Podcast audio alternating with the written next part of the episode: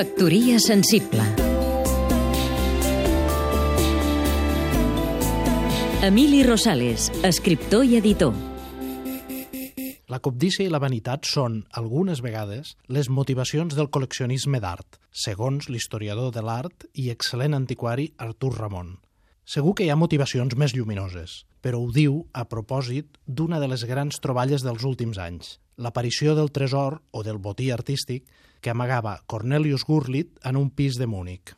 Les aparicions o troballes artístiques són, però, més freqüent del que un es pot imaginar, encara que no siguin de la magnitud de la de Múnich. Només cal fixar l'atenció en un determinat pintor, ho vaig fer durant un temps en un dels últims grans mestres venecians, Giambattista Tiepolo, per comprovar que ara aquí, ara allà, se succeeixen els descobriments. I és que, efectivament, la possessió d'art, el col·leccionisme, és una activitat fonamentalment privada i discreta, que només s'anuncia o té ressò quan n'hi concorren determinades circumstàncies.